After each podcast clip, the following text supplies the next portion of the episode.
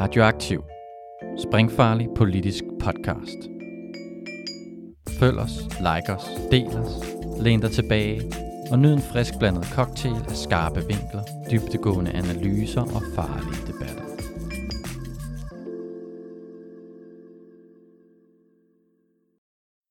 Velkommen til den tredje og sidste del af den her podcast-trilogi, hvor jeg snakker med filosofen Søren Mau om kapitalismens økonomiske magt, det vil sige om stum tvang.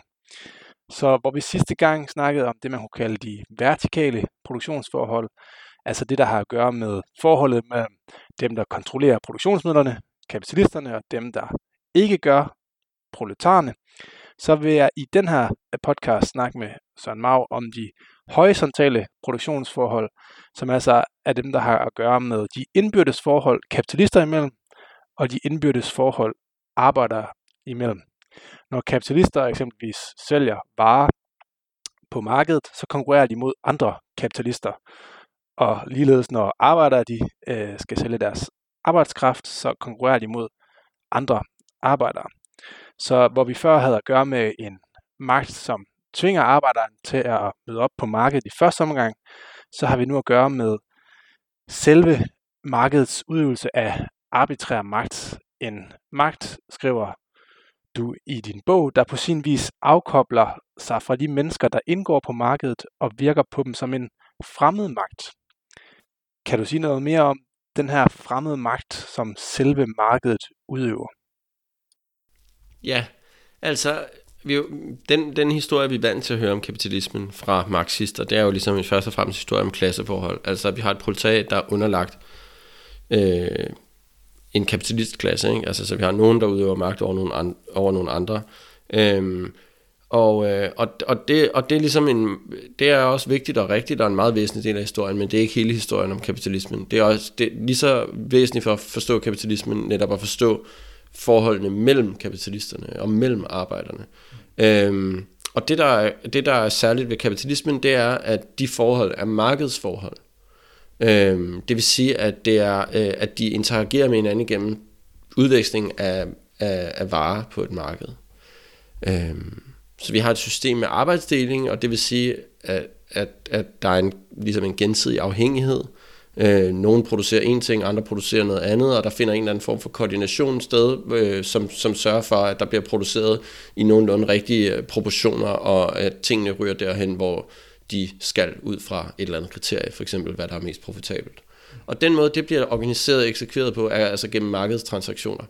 Øhm, og øhm, det, som jeg prøver at vise, er, hvordan det genererer ligesom nogle, nogle øh, mekanismer, som alle er underlagt. Øh, altså så nu er det ikke prismekanismer, ikke? Altså, så der er en pris på ting, ikke? Og der er, øh, der er et, øh, for eksempel et lønniveau, ikke? Og det, og det må du bare tage for givet. Altså, der, øh, øh, der, det, der har den enkelte markedsaktør ikke øh, som i udgangspunktet magt til at bestemme den, men må underlægge sig den. Så markedet er sådan en slags tvangsmekanisme, hvor, hvor igennem, altså økonomer plejer at sige det på den måde, at markedet formidler en masse informationer, men det som jeg forsøger at vise er, at det i stedet for snarere er kommandoer, øh, der bliver eksekveret gennem markedet. Og det er altså ikke kun øh, hvad skal man sige, det er ikke kun proletarer, der er underlagt den. Det er kapitalister også underlagt, kapitalistiske virksomheder. Og det er meget vigtigt for at forstå, hvordan kapitalismen fungerer, at den også genererer nogle magtmekanismer, som alle er underlagt. Så vi har ikke kun at gøre med, at der er et proletariat, der er underlagt kapitalistklassen. Vi har også at gøre med, at, at hele samfundet er underlagt den her sociale logik. Så hvis, øh, hvis en hvis der er en producent et sted indfører sådan arbejdsbesparende teknologi, så tvinger det også andre producenter til at følge med øh, og også skære ned, Præcis. for ligesom ikke at blive udkonkurreret. Så betyder det, at den første producent kan sælge øh, en type en eller anden vare billigere, og dermed erobre markedsandel og, og øge sin øh, profit, og det tvinger også selvfølgelig de andre producenter til enten at gå bankerot og lukke, eller skifte branche, eller øh, hvad skal man sige, eller, eller ligesom matche konkurrenterne. Øh, og det er jo, på den måde er det sådan en slags transmissionsmekanisme markedet, som, som, øh, hvor, hvor igennem der bliver etableret sådan en form for abstrakt og upersonlig tvang. Mm. Øh, og det gælder både ligesom mellem kapitalister og mellem arbejdere. Mm. Så mm, hvorfor er det, at, jeg tror det er det du også er inde på, det du også beskriver her, men hvorfor er det, at kapitalens dynamik, den ligesom er den har en ekspansiv karakter. Altså kunne vi ikke forestille os en by for eksempel med 400 indbyggere, og øh, lad os sige, der var så tre pizzerier i, i den her by. Lad os så sige, ud af de 400 indbyggere, så er der 100, der ikke spiser pizza, og så er der cirka 100 kunder hver til, til de her tre pizzerier. Kan de ikke bare dele dem mellem sig, og så øh, lade være med at, at udvide deres, deres marked, og så blive ved med at fortsætte uden at ekspandere? Øh, jo, altså det er jo karteldannelse. Okay. At, øh, altså, at, øh, at der er nogle virksomheder, der ligesom øh, slår sig sammen og siger, okay, lad os bare aftale, at vi holder niveauet her, mm. og, så, øh, og så holder vi hver vores markedsandel, og så lader vi ellers være. Mm. Øhm, men altså, det, og det findes der jo eksempler på, ikke? og det er, jo, det er jo sådan noget, der er ulovligt, altså, fordi så, så, så, så går man ligesom ind, og altså, så har man konkurrencelovgivning, øh, øh, og hvis man kan bevise, at der er karteldannelse, sådan, sådan er det i hvert fald ofte, ikke? sådan er det blandt andet i Danmark.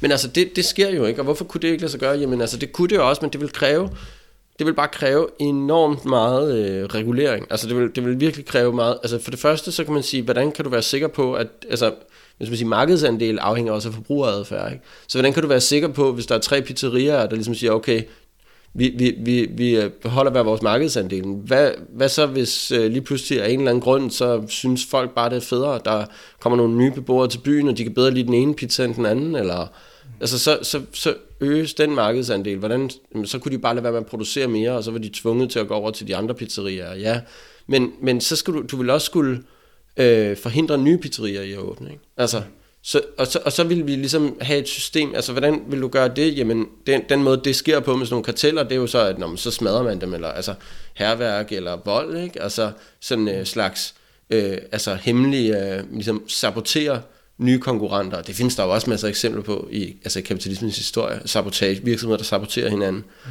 Som regel har man jo en, en, altså som regel har der været stater, der ligesom har forsøgt at gribe ind over for det, ikke? Men det, det, det, det sker jo, og det sker jo nogle gange og sådan noget, men, men det, alt tyder bare på, at øh, den her konkurrencedynamik, altså det, det kræver rigtig meget opretholdelse af nogle karteller, og øh, øh, med tiden, så vil der på en eller anden måde slippe, så vil der være sprækker i sådan nogle systemer. Hmm en del af den her øh, magt, som er en del af selve markedet, øh, den, når jeg læser der, så læser jeg, at det har med arbejdsdelingen at gøre og specialisering. Altså når vi deler arbejdet, arbejdet mellem os og specialiserer os, så bliver vi afhængige af, hvad andre producerer, og derfor afhængige af at øh, indgå på, på markedet. Men for, for klassiske økonomer som Adam Smith og David Ricardo for eksempel, så er arbejdsdeling og specialisering, det er sindssygt smart. Altså at vi øh, for eksempel i Danmark kan specialiserer os i at lave svinekød, øh, for nu at tage det eksempel, så behøver vi ikke at, øh, ikke at lave øh, t-shirts, fordi det, det, kan vi så, det kan de gøre i Bangladesh, og så øh, til gengæld så specialiserer vi os i svinekød, og de specialiserer sig i øh, t-shirts i Bangladesh, og så kan vi handle med hinanden, og så producerer vi mere øh, per tid, fordi vi bliver dygtigere til svinekød i Danmark, og dygtige bliver dygtigere til at sy i Bangladesh, og så vinder alle, når vi så bagefter handler med hinanden. Øhm, så, så hvad er det, hvorfor er det et problem? Altså arbejdsdeling som sådan er ikke et problem, øhm, vil jeg sige. Og øh, det, altså, jeg vil også sige, at jeg, eller, jeg er enig med Marx i, at arbejdsdeling er et grundlæggende træk ved alle mennesker i samfundet.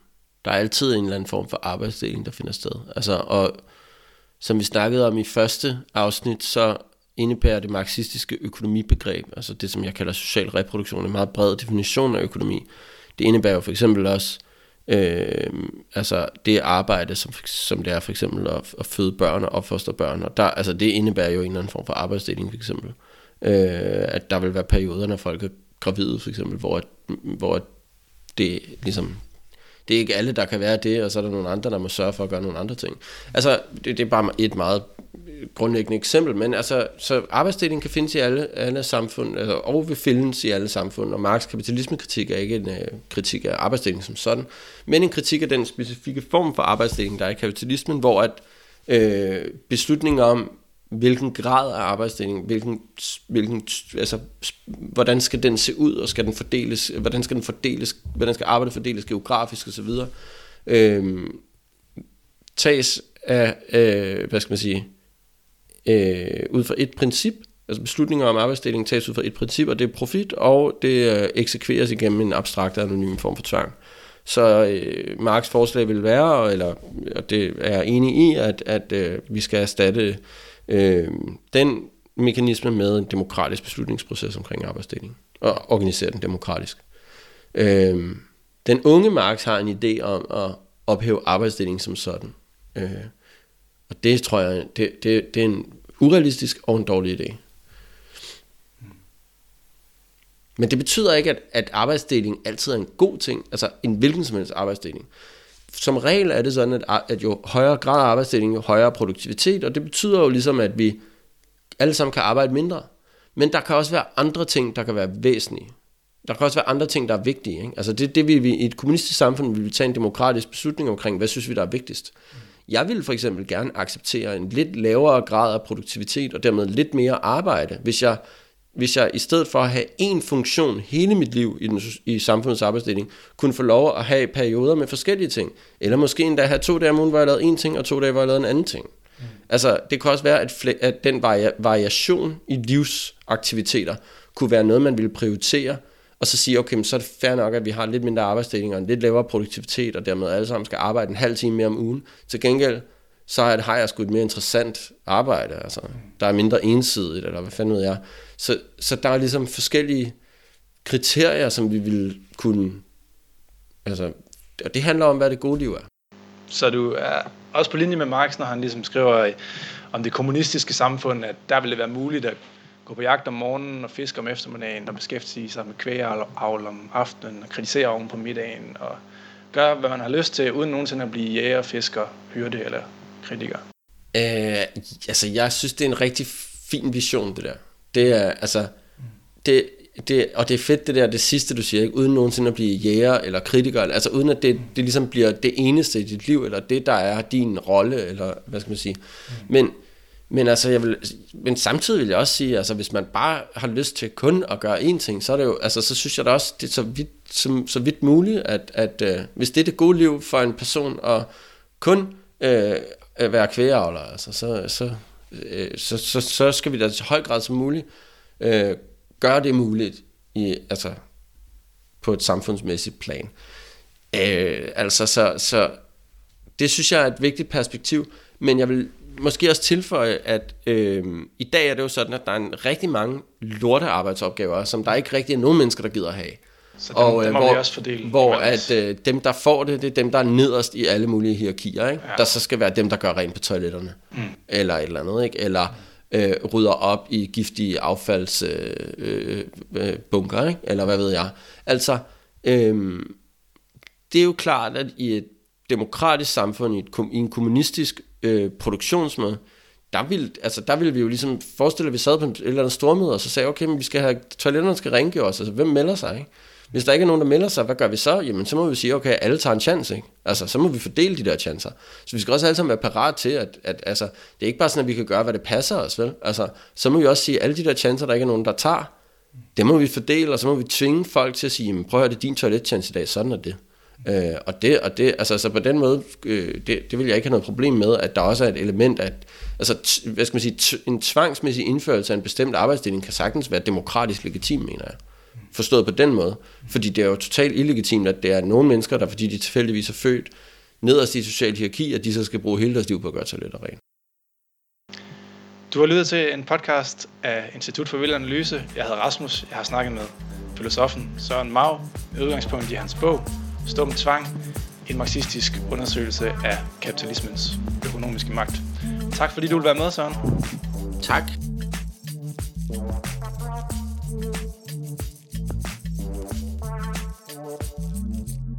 Oh ja.